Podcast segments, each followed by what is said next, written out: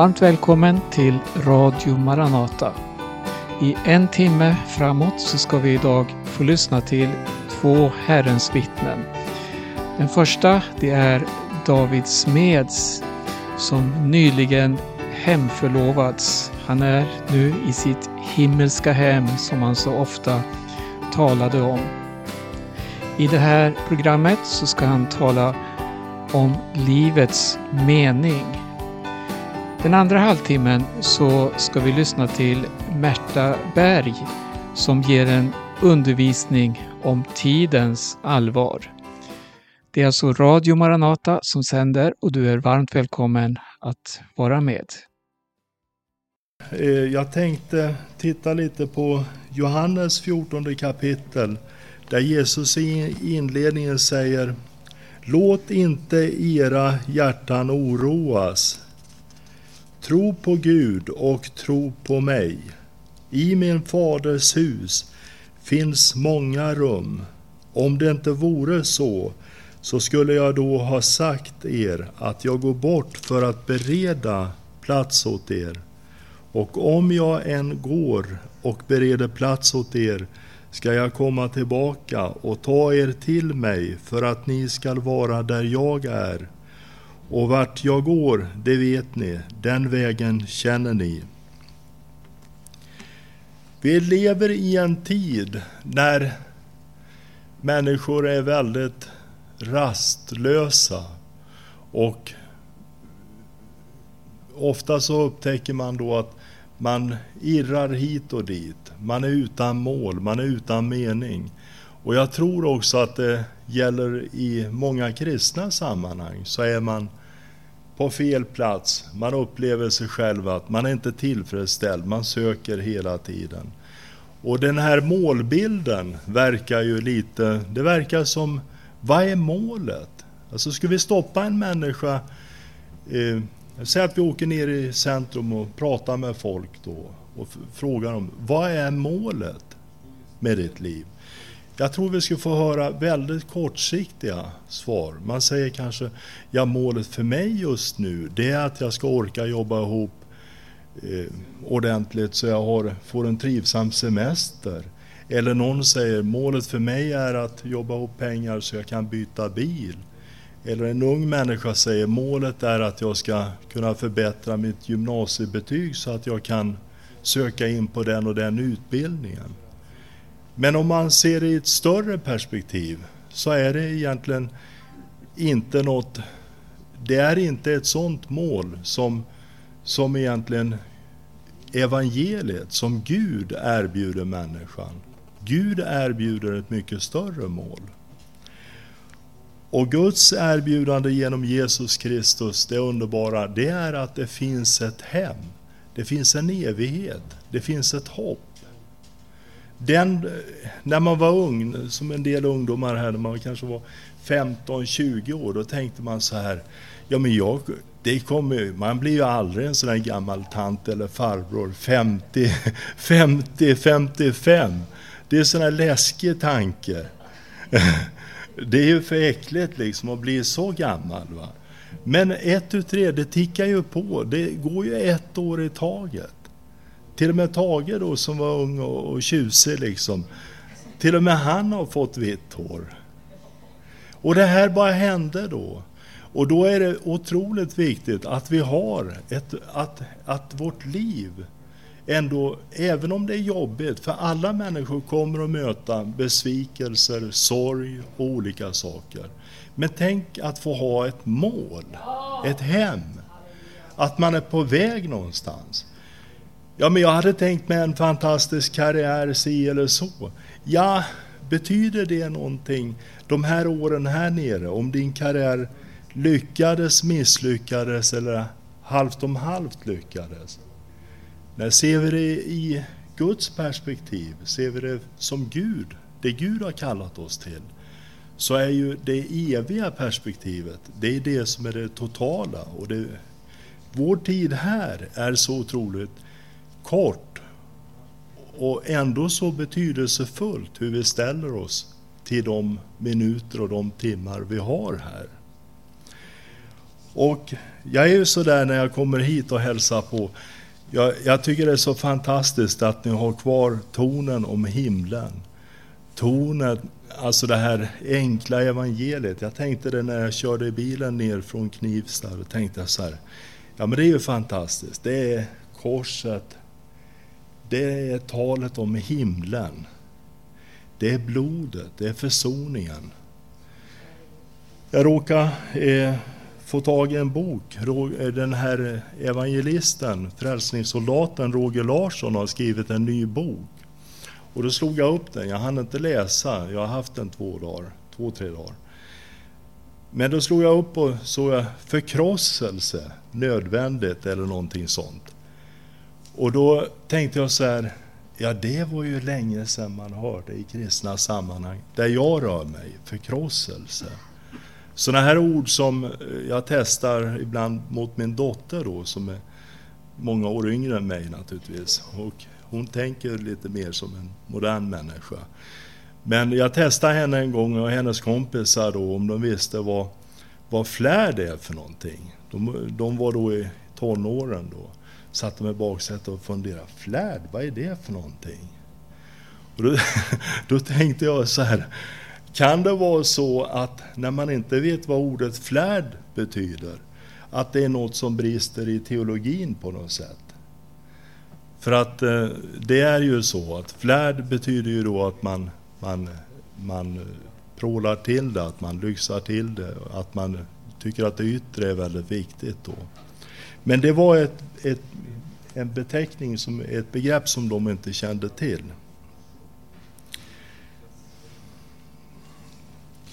Men den här tiden, den är ju väldigt, genom att vi lever då i ett samhälle som eh, man kan säga kommunikationsvägarna när det gäller tankar och idéer och nyheter är ju helt annorlunda idag än det var till exempel på 50-talet när jag växte upp.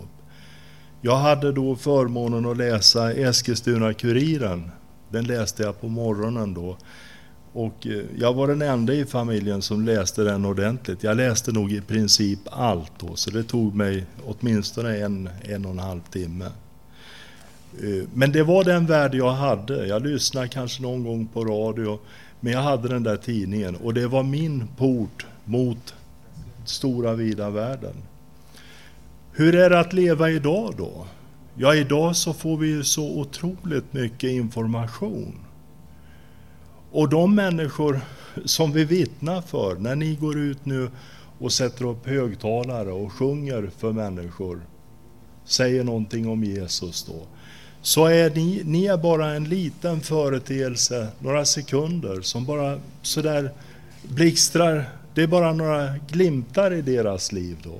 Och sen är huvudet totalt packat med idéer och bilder, väldigt mycket bilder då. För vi vet att bilder är väldigt starka. I reklam till exempel så försöker man prägla olika bilder. Och då är frågan, hur ska vi nå människor? Hur ska vi förpacka det här budskapet som vi har fått då? För det handlar ju om att förpacka, alltså på något sätt så ska vi bära fram det här. Och, och jag, jag tror ju det att jag tror att det är väldigt viktigt att vi förstår. Jag tänker på det där ordet, Eh, jag tror det står i något av evangelierna att det fanns några judar som förstod tiden. Kommer ni ihåg det ordet? Va? De förstod tiden som de levde i och jag tror det är någonting som vi också behöver förstå. Vad lever vi i för tid? Och så tror jag det också att behovet av Jesus, det är inte mindre idag.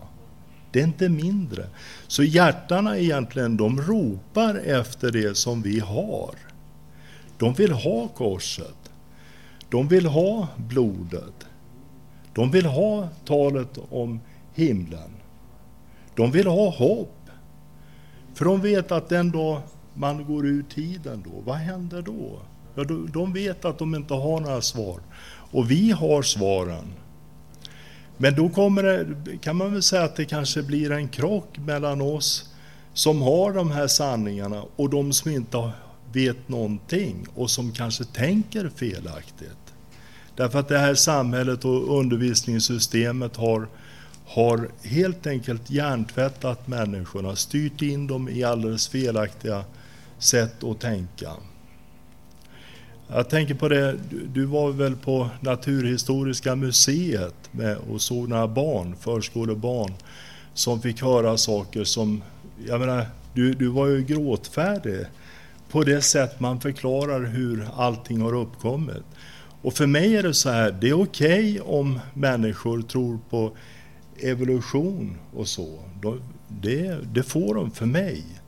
Men det som jag är chockerad över det är om, om Gud är borta ur bilden. För mig är det inget problem om Gud väljer att skapa på sex dagar eller han väljer tusen år eller miljoner år. Det är inget problem för mig. Gud handlar, han är suverän, han kan välja vilken metod han vill. Men det ruskiga är när den här materiella världen ska förklaras med materiella termer. Det finns ingen Gud, det finns ingen orsak. Ni har hört om den här Big Bang som då, jag tror den drar tillbaka, är det 10 miljarder år.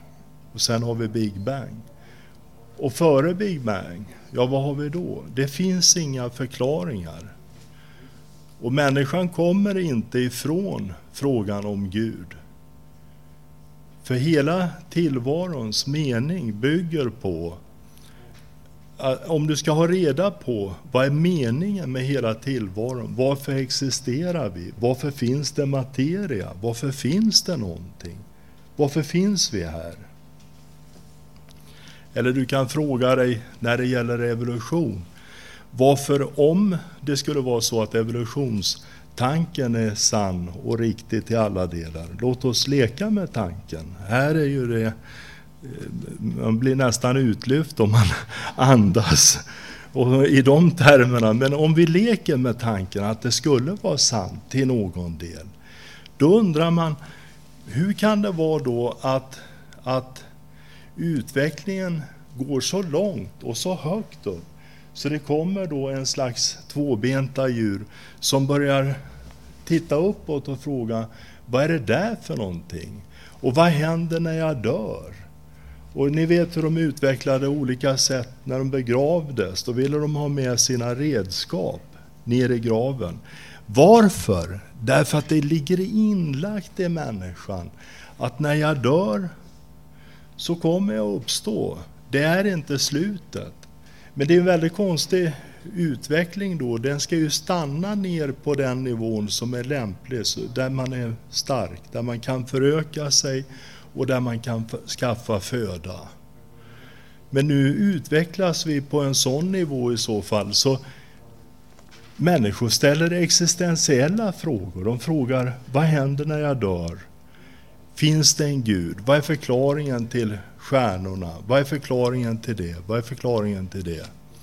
Så vi har alltså evolutionsläran kan ju aldrig förklara varför människor är så komplicerade.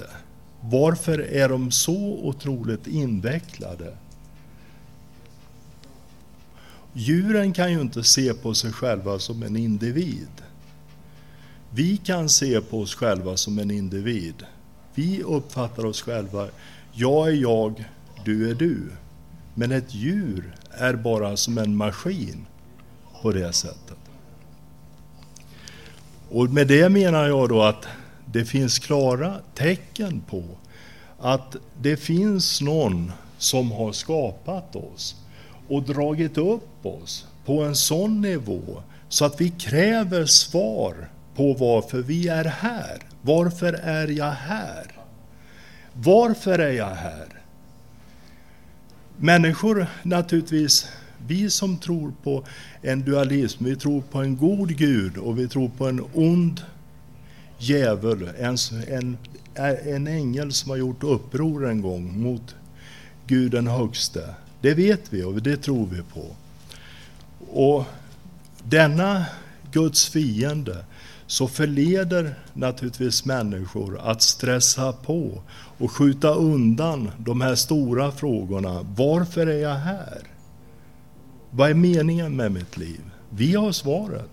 Och jag är säker på att de här människorna då som kommer fram, kanske susar förbi, stannar till och så hör de de här sångerna. Eh, eller ett vittnesbörd, ett enkelt vittnesbörd om att jag blev frälst, jag mötte Jesus, jag var i synd och han frälste mig. Han förlät mig alla synder. Nu har jag hopp inför framtiden. Jag är säker på att i, längst in i deras hjärta så finns det ett vakuum. Det finns någonting som säger, ja men de där, tänk om de har rätt. Och vi har ju rätt. Det är det som är det underbara. Och vi borde också, vi får inte misströsta i den här situationen då. Jag funderar lite på, sista dagarna har jag funderat på, jag har ibland begrepp som jag arbetar på och tänker på. Och just nu så är det begreppet folkvandringar. För att nu har jag upptäckt då att det är massor med kristna som, som på något sätt tillhör folkvandringsrörelsen. De är alltid på fel plats liksom. Har man, är man karismatiker, ja då då börjar man drömma om kloster och ikoner och sakrament och grejer. Och de som håller på med sakrament och ikoner och har jobbat med det många år, ja de drömmer om att få vara karismatiker och något annat då. Så ah, det verkar vara som många i kristenheten är på fel plats vid fel tid hela tiden. På vandring åt något annat håll. Men centrum är fortfarande runt Jesus Kristus, runt evangeliet. Och eh, jag tror att vi har, eller jag vet att vi har ett mycket starkare, mycket bättre budskap, mycket, mycket mer hoppfullt än vad människorna i vår samtid förstår. Och kanske ibland går vi på en liten miss att vi, vi tar sakerna i fel ordning. Det är väldigt lätt att reta upp sig över olika Eh, defekter i samhället och då går man gärna ut väldigt hårt mot olika saker. Och ibland kan det bli så att, att människor då, de lyssnar inte till punkt när vi då presenterar Jesus, för då har de redan retat upp sig på mig. Jag menar om jag sitter på ett arbete och, och är för tydlig vad det gäller olika sexualmoraliska frågor så kan det vara att jag inte har någon öppen dörr att få presentera Jesus. Sen om jag blir tillfrågad så ska jag naturligtvis tala om var jag står. Men det gäller att vi är visa så att vi, vi vinner människornas hjärtan och att vi inte stänger dem för evangeliet. För det är Jesus som måste komma fram. Han dog för alla människor. Gud vill att alla människor ska bli frälsta och komma till kunskap om sanningen. Och vi har budskapet. Men ibland är vi sådär lite till, ty, jag vet inte. De har liksom slagit på Guds folk väldigt länge och i synnerhet med den här etiketten som ni samlas under så är det lätt att, att få sina törnar då. Det är ett sätt att sticka ut hakan och, och ibland Får lida smälek då. Men vi har ett budskap. Jesus är hos oss. Jesus har kraften. Och låt oss behålla det här budskapet som ger hopp in i evigheten. Det finns, en, det finns ett mål. Vi har en sån otroligt stark... Alltså det, vi, det sätt vi kan förklara tillvaron, det finns inte där ute. För när människor när de dör 70, 75, 80 år, då är det slut. Då har de inget hopp. Det finns inget hopp för dem. Medan vi har hopp. Nu tänkte jag då göra en liten... Nu tänkte jag gå till något helt annat. Nu tänkte jag gå till Lukas 7.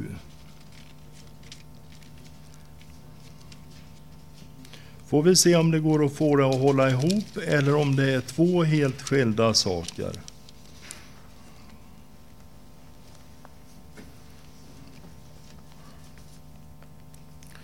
Men det är lite så här, jag, ja, jag, jag läser bibelversen så ser vi var vi landar någonstans. Eh, Lukas sjunde kapitel. När Jesus hade hållit hela sitt tal till folket gick han in i Kapernaum. En officer där hade en tjänare som han satte stort värde på. Tjänaren var sjuk och låg för döden.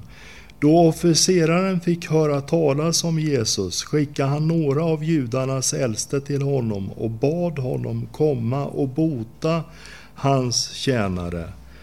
De kom till Jesus och bad honom ivrigt. Han är värd att du gör detta för honom. Han älskar vårt folk och, och det är han som har byggt synagogan åt oss.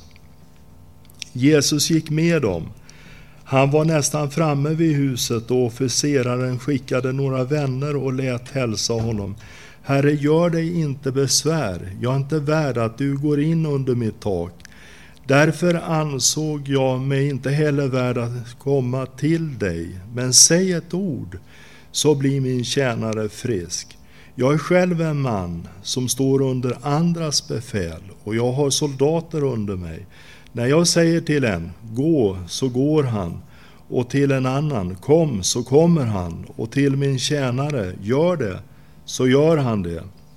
När Jesus hörde detta förundrade han sig över honom och vände sig om och sa till folket som följde honom, jag säger er, inte ens i Israel har jag funnit en så stark tro. Och det som skickats ut vände tillbaka och fann tjänaren frisk. Det här var en hednisk officer och han kände ju naturligtvis till reglerna att det inte var lämpligt att Jesus skulle besöka en, en hednings hus då. Så han var väldigt omtänksam då.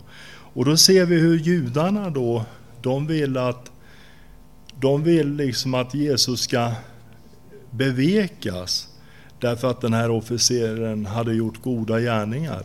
Men det var inte det som gjorde att Jesus botade, utan Jesus botade utifrån behovet. Att den här officerens tjänare var sjuk och behövde bli helad. Men det som är unikt för den här texten är ju det att det visar vilken auktoritet Jesus har. Och Jesus visste om sin auktoritet över sjukdom, över synd. Och den här officeraren hade också förstått att Jesus hade den sortens auktoritet. Och vi som kristna då i, ibland, jag tänker på mig själv, men det är väldigt lätt man tänker så här, ja men jag, när det gäller att be trons bön, att be för helande, att be för under, mirakler och så, att drastiska bönesvar. Så tänker man sig sådär, ja tänk om man vore utrustad, ja tänk om man vore utrustad. Tänk om man vore utrustad som den där världsevangelisten eller den där världsevangelisten. Men egentligen är det inte riktigt på det sättet, utan det, är, det handlar ju inte om den auktoritet jag har, utan det handlar ju om den auktoritet som Jesus har. Den kraft som finns upplagrad hos honom. Och det är i det namnet ni, det må ni veta, sa apostlarna, det är i det namnet som han har blivit hjälpt. Det är i det namnet den lame stod upp. Och därför så är det väldigt viktigt för oss att inte sitta och titta inåt på oss själva och tänka, ja, när kommer den där dagen när jag blir smord med den där speciella kraften? Det, det tror jag du redan är. Du är smord, du är utrustad som troende. Utan det är mer en fråga om att vi vågar använda den utrustning vi har fått. Vi har en auktoritet som är tilldelad oss. Och den auktoriteten och kraften som är tilldelad oss, den är inte till för att bygga upp en piedestal runt oss själva. Det är ju också en företeelse som vi ofta kan se, att det är väldigt lätt att en människa blir ja, säg någon är väldigt duktig att sjunga eller musicera, spela väldigt bra på det kristna fältet. Och då gör vi de människorna till art kristna artister. Jag menar, det är ju bara att titta i de kristna veckotidningarna så ser vi ju Alltså det är helt märkliga saker. Titta i världens press och i den kristna pressen. Det är ungefär samma uttryck, det är samma layout, det är lika flashigt och ibland låter det lika till och med. Eller om jag säger att någon börjar be för sjuka. Ja, det är väldigt lätt att vi lyfter upp och gör det liksom till, vi gör det till någonting, som en piedestal, där vi bygger upp någonting som egentligen till viss del riskerar att skymma Jesus själv. Ja, men det är lika bra att vi inte håller på då med sånt här då. Som, det går ju snett överallt liksom. Nej, vi ska fortsätta och be för sjuka. Vi ska smörja folk med olja när de är sjuka. Och vi ska våga säga i Jesu Kristi namn, var helad. Vi, vi måste våga säga det. För att det är, inte, det är ju inte vår kraft. Det är ju inte min kraft, utan det är ju den kraft som han har. Och om den kraften har tagit slut, ja då är det ett garanterat fiasko. Men finns den kraften kvar, ja, då kan undret ske. Sen vet vi att det finns ett stort område med, med saker som vi inte kan förklara. Vi, alla blir inte helade. Alla får inte påfyllning i plånboken vid den tid man, man önskar. I synnerhet inte småtjejerna här. De skulle vilja ha tre dubbel veckopeng misstänker jag ibland. Kanske, vad vet jag. Åtminstone mina barn tyckte det skulle vara... De förhandlar förresten, de hade lärt sig av mig att förhandla. Och jag tror jag sänkte eh, veckopengen eller månaden. Det skulle inte förvåna mig om jag sänkte månadspengen när de förhandlade. Bara för att de skulle lära sig att eh, det går inte till på det sättet. Nej, nu skojar jag. Jag kommer inte ihåg hur det var. Nej, men låt oss vara frimodiga. Vi har ett mycket, mycket större budskap. Vi har ett mycket större mandat än vad man ser på mig och på dig och dig och dig. Alltså egentligen är vi, vi tillhör alltså ett släkte som är helt enormt då. Vi, och vi har en kallelse som är helt enorm då. Och sen hur vi ska, for, hur vi ska förverkliga den här kallelsen. Ja, det är, en, det är ett större ämne. Och det tar mig fem år att förbereda mig på, på det ämnet. Det, det, kan jag inte säga då, för att jag tror att, att det är väldigt viktigt att man, man, där man står, så gör man det Gud vill att vi ska göra. Och, och låt oss inte tappa modet. Låt oss räkna med Gud. Han har inte blivit trött. Den heliga Ande har inte förlorat någon kraft.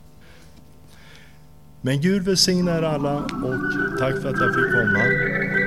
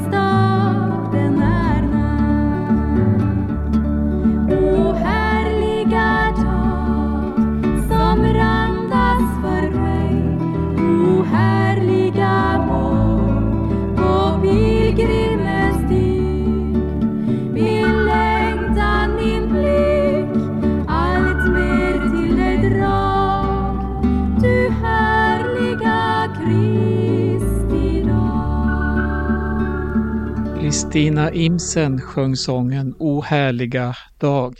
Dessförinnan hörde vi en undervisning med Broder David Smeds.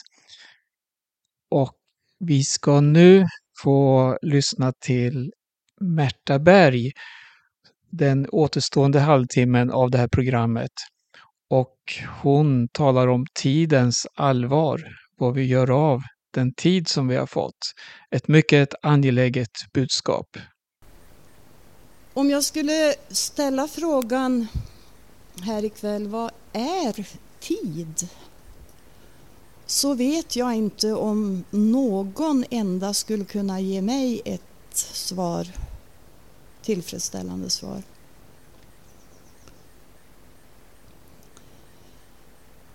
Eh, tid är ett begrepp som vi hanterar, som vi Eh, använder oss av för att beskriva olika ting, olika skeenden.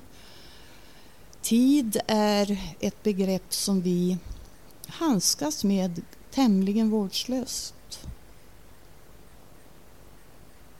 Bibeln talar också om tid.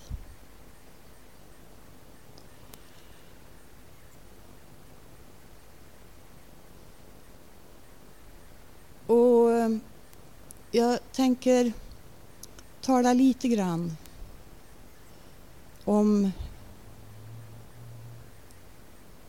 tre män i Bibeln som eh,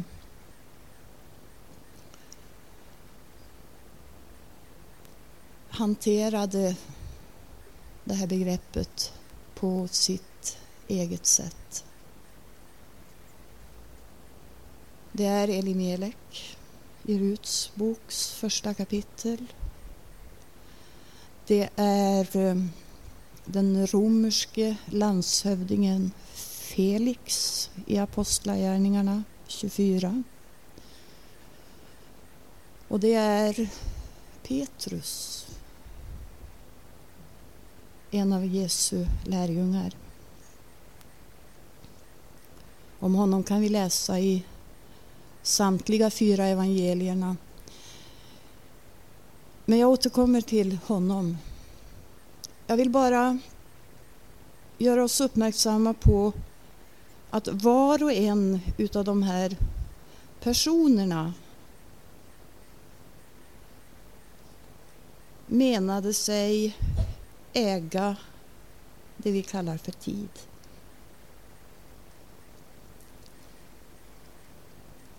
Om vi läser i Ruts bok så ska vi se att den här mannen som bodde i Betlehem och som var en israelit under domarnas tid, under domarväldet. Han upplevde en kris det var hungersnöd.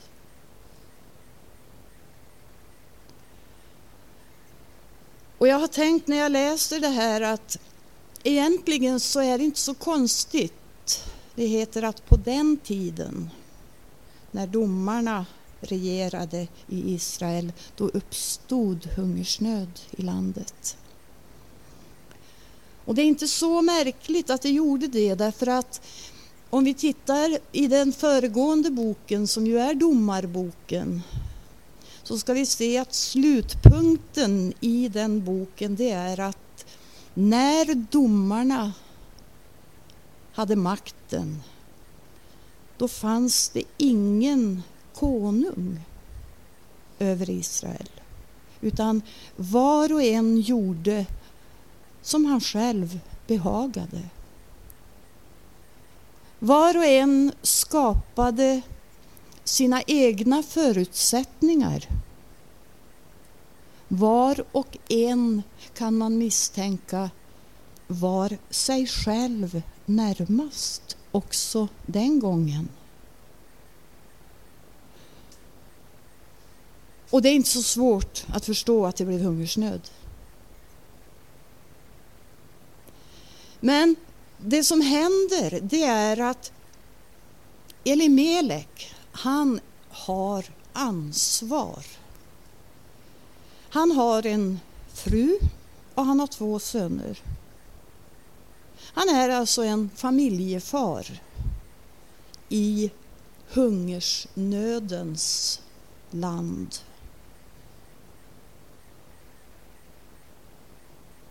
Och man kan ju fråga sig vad gör en familjefar när det inte finns bröd?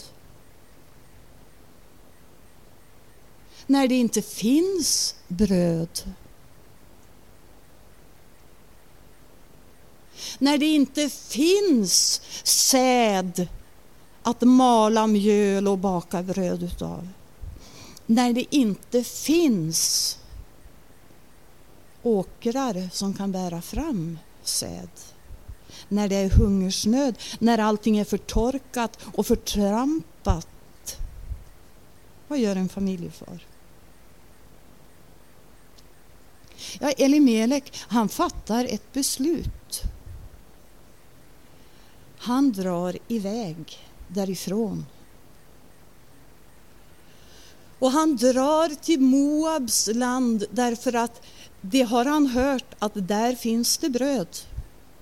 Det är ganska, det är tämligen naturligt att en familjefar tar sin familj med sig och drar dit där han vet att det finns mat för hans barn.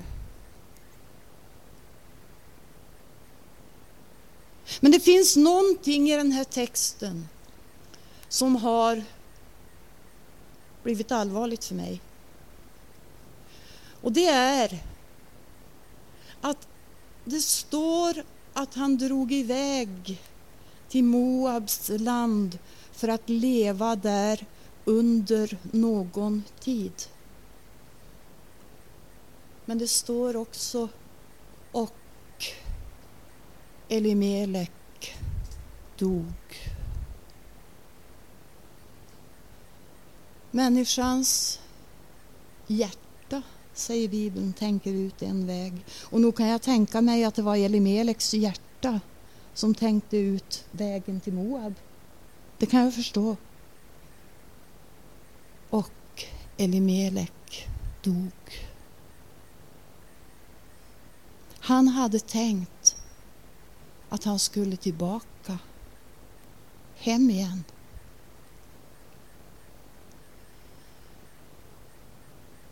Han var av ett annat folk.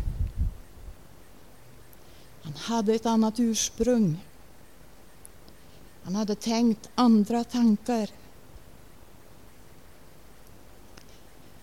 Han hade levt i en annan kultur där man hade tillbett himmelens ende Gud. Han hade inte tänkt bli kvar i den kulturen där man tillbad andra gudar, där man åt annan mat, där man levde på ett helt annorlunda sätt än vad han med sin själ och sitt hjärta önskade göra. Han drog till Moabs land för att bosätta sig där under någon tid. Och Elimelek dog. Vi tar ett jättekliv fram i historien, ända till aposteln Paulus tid. Och vi finner honom som fånge i Caesarea. Dit har han förts därför att han har talat om att Jesus är Messias och Jesus är uppstånden. Och allt det här som ni vet så väl, ni som sitter här ikväll. Den som har ansvaret, det juridiska ansvaret för honom i den här fångenskapen i Caesarea, där han har blivit överlämnad, det är den romerske landshövdingen som heter Felix. Och han vet jag ingenting, honom vet jag egentligen inte så mycket om. Därför att han kommer in på bibelbladet där ungefär. Och sen går han också ut ur den bibliska berättelsen. Jag hittar honom inte mer, men vi skulle nog kunna hitta honom i historien, det är jag säker på. Men det är inte intressant. Därför att det som är intressant, det finns med i den här boken, det ska vi vara övertygade om. Det kan vara bra att tillägna sig kunskap som talar om för oss vad bibelordet handlar om. Men ibland är det helt ointressant. Felix är inte intressant mer än några korta passusar i min bibel. Han var gift med en judinna. Och han tar denna judiska fru med sig för att lyssna på Paulus när Paulus predikar. Han vill väldigt gärna höra på när Paulus berättar om Jesus och, och, och allt det här. Men så står det att när Paulus talar om rättfärdighet kan du känna hur det ordet skär igenom begreppsvärlden? Om du går ut här på Stockholms gator eller in på någon något sånt här celebert ställe där människor med hög bildning och hög makt är samlade. Och så börjar du tala om rättfärdighet.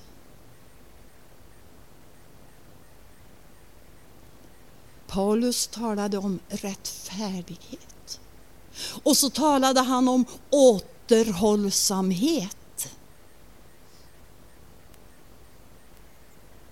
Och det är väl ungefär lika omöjligt i vår civilisation.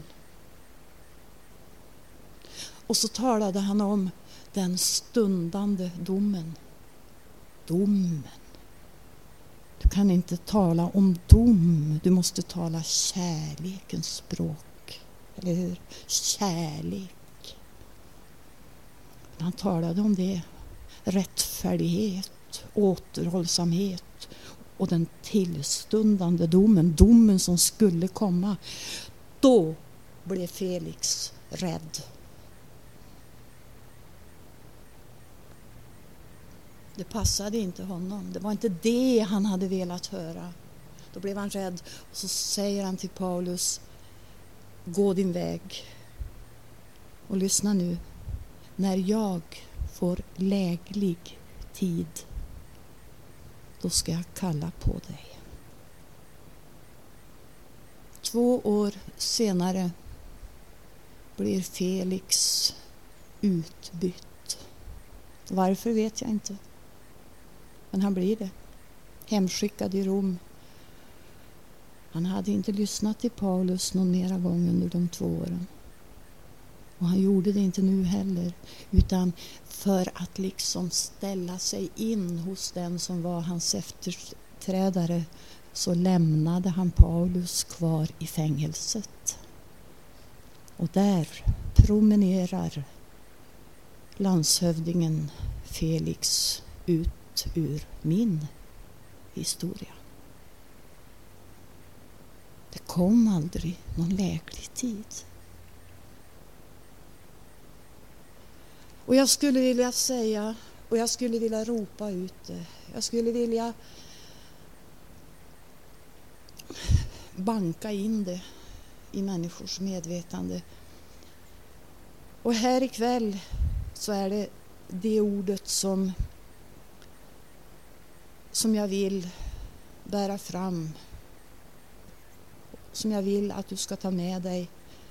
För det är sant det jag säger nu. Det finns ingen läglig tid.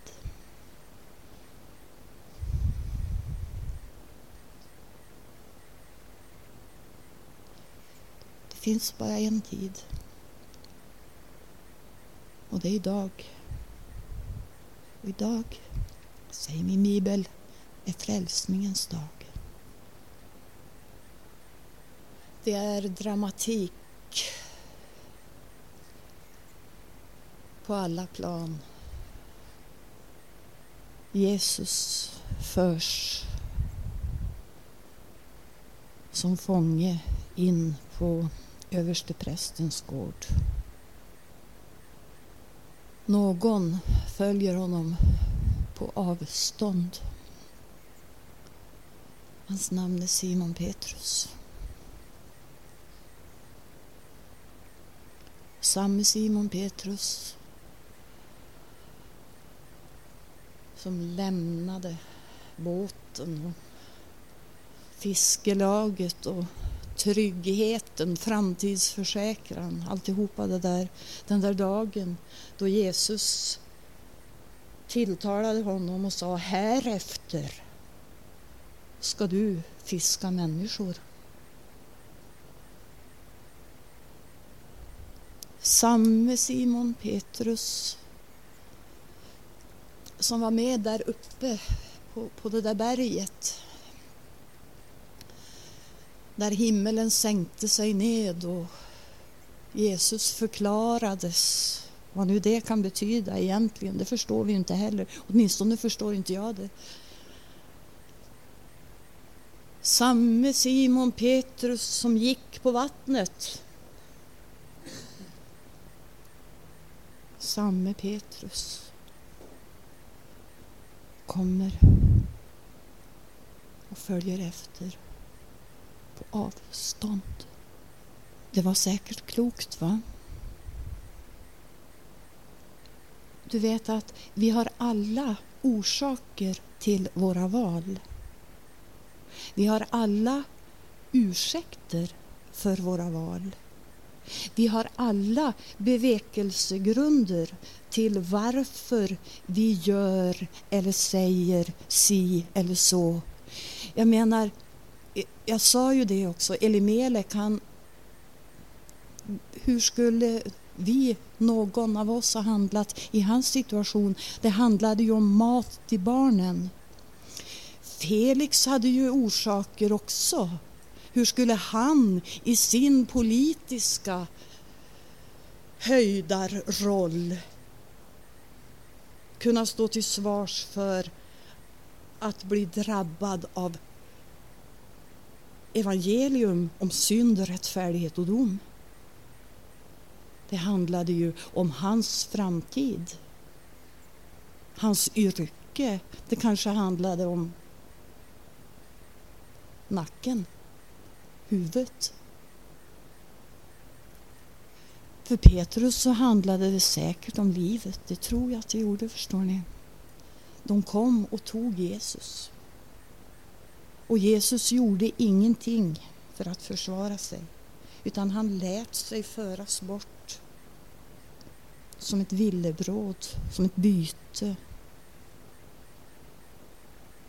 Det är klart att Petrus val att liksom smyga efter på behörigt avstånd kan ju sägas vara förnuftigt. Det tycker jag nog om jag ser på det utifrån situationen.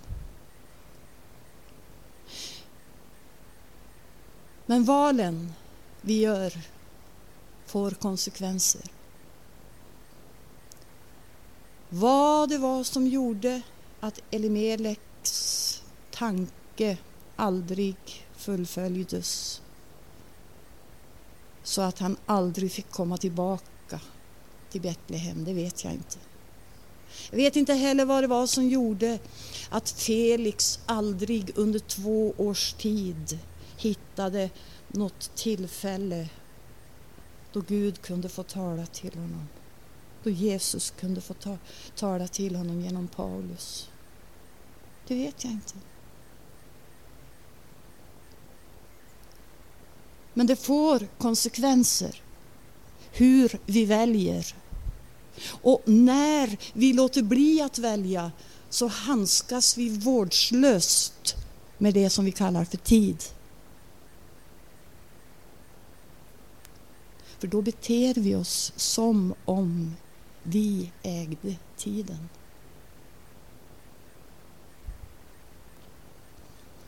Vad fick det för konsekvenser för Petrus? Jo, han blev sittande i en gemenskap där den enda värme han kunde åtnjuta var den där kolbrasan som överste prästens tjänare, det vill säga mördarens hantlangare, tände upp. Den värmen blev Petrus delaktig av. Och när han sitter där och värmer sig, för alla människor behöver ju värme på ett och flera sätt, eller hur? Och när han sitter där i den gemenskapen så börjar man liksom ifrågasätta, men du är väl också en utav dem? Nej, nej, nej, inte jag. Så sker ju det här som, som Jesus hade sagt till Petrus innan tuppen går så ska du ha nekat. Tre gånger ska du ha nekat till att du känner mig. Och när Petrus har gjort det, när han har nekat tre gånger, då står det och i detsamma gol hanen. Och då kom Petrus ihåg. Och då vänder sig Jesus om och ser på Petrus. Och då går Petrus ut och gråter bitterligen. Och vet ni att den meningen, den gör mig så full av tillförsikt. För jag vet att när en människa har nått dit, då finns det frälsning. Så länge värmen ifrån kolelden duger så är du förlorad. Men när du möter blicken ifrån honom som vet allt. Och det drabbar dig så att du bryter ihop. Då finns det frälsning. Då finns det räddning. Då finns det hjälp. Petrus gick ut och grät bitterligen. Har du gråtit bitterligen över din situation någon gång? Inte över förlorad kärlek eller förlorade pengar eller vad det nu är för någonting som kan ge människan anledning att gråta bittert. Men har du gråtit bittert över din själs salighet någon gång? Över din frälsning, över ditt gudsförhållande? Har du gjort det? Och vänt dig till Jesus i din nöd så vet du att det är sant det jag säger ikväll. Ja, frälsning för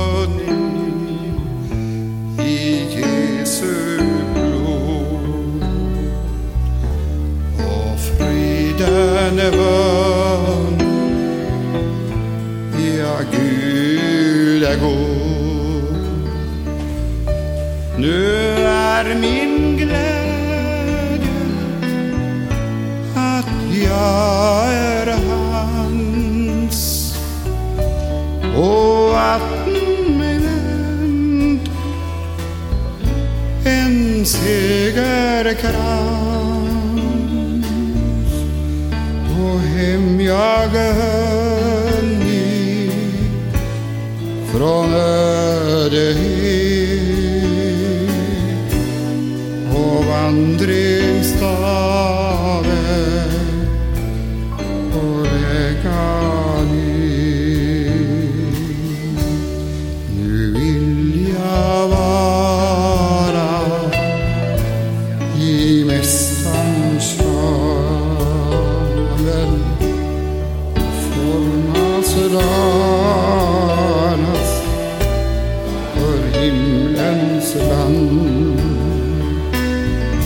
när klockor ringa Guds kärleksspråk för tjänster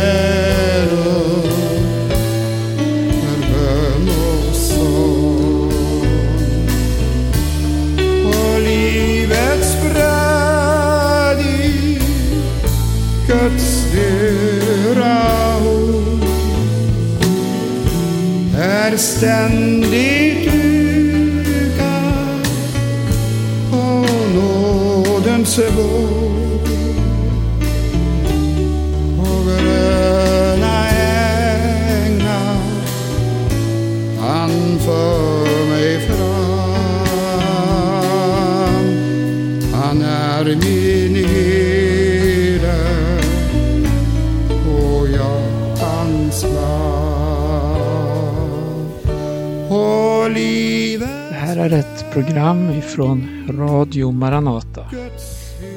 Vi hör Folke Jakobsson sjunga sången Jag frälsning funnit. Dessförinnan hörde vi en appell med Märta Berg om tidens allvar. Och i de här programmen från Radio Maranata så vill vi påminna om vägen till Jesus, om frälsningen i Jesus. Och vi välkomnar dig att ta emot honom i ditt liv.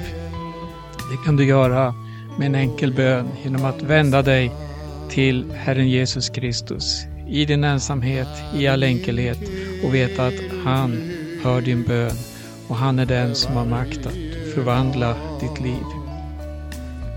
Vi tackar för oss för den här gången. Vi önskar er alla Guds rika välsignelse. Varmt välkommen att kontakta oss. Det finns uppgifter hur du kan nå oss på församlingens hemsida maranata.se och där hittar du också andra ljudfiler och andra uppgifter, länkar till olika media som församlingen har. Tack för den här gången. Gud välsigne var och en på återhörande, säger jag, Berno Widén. och fästet går och vid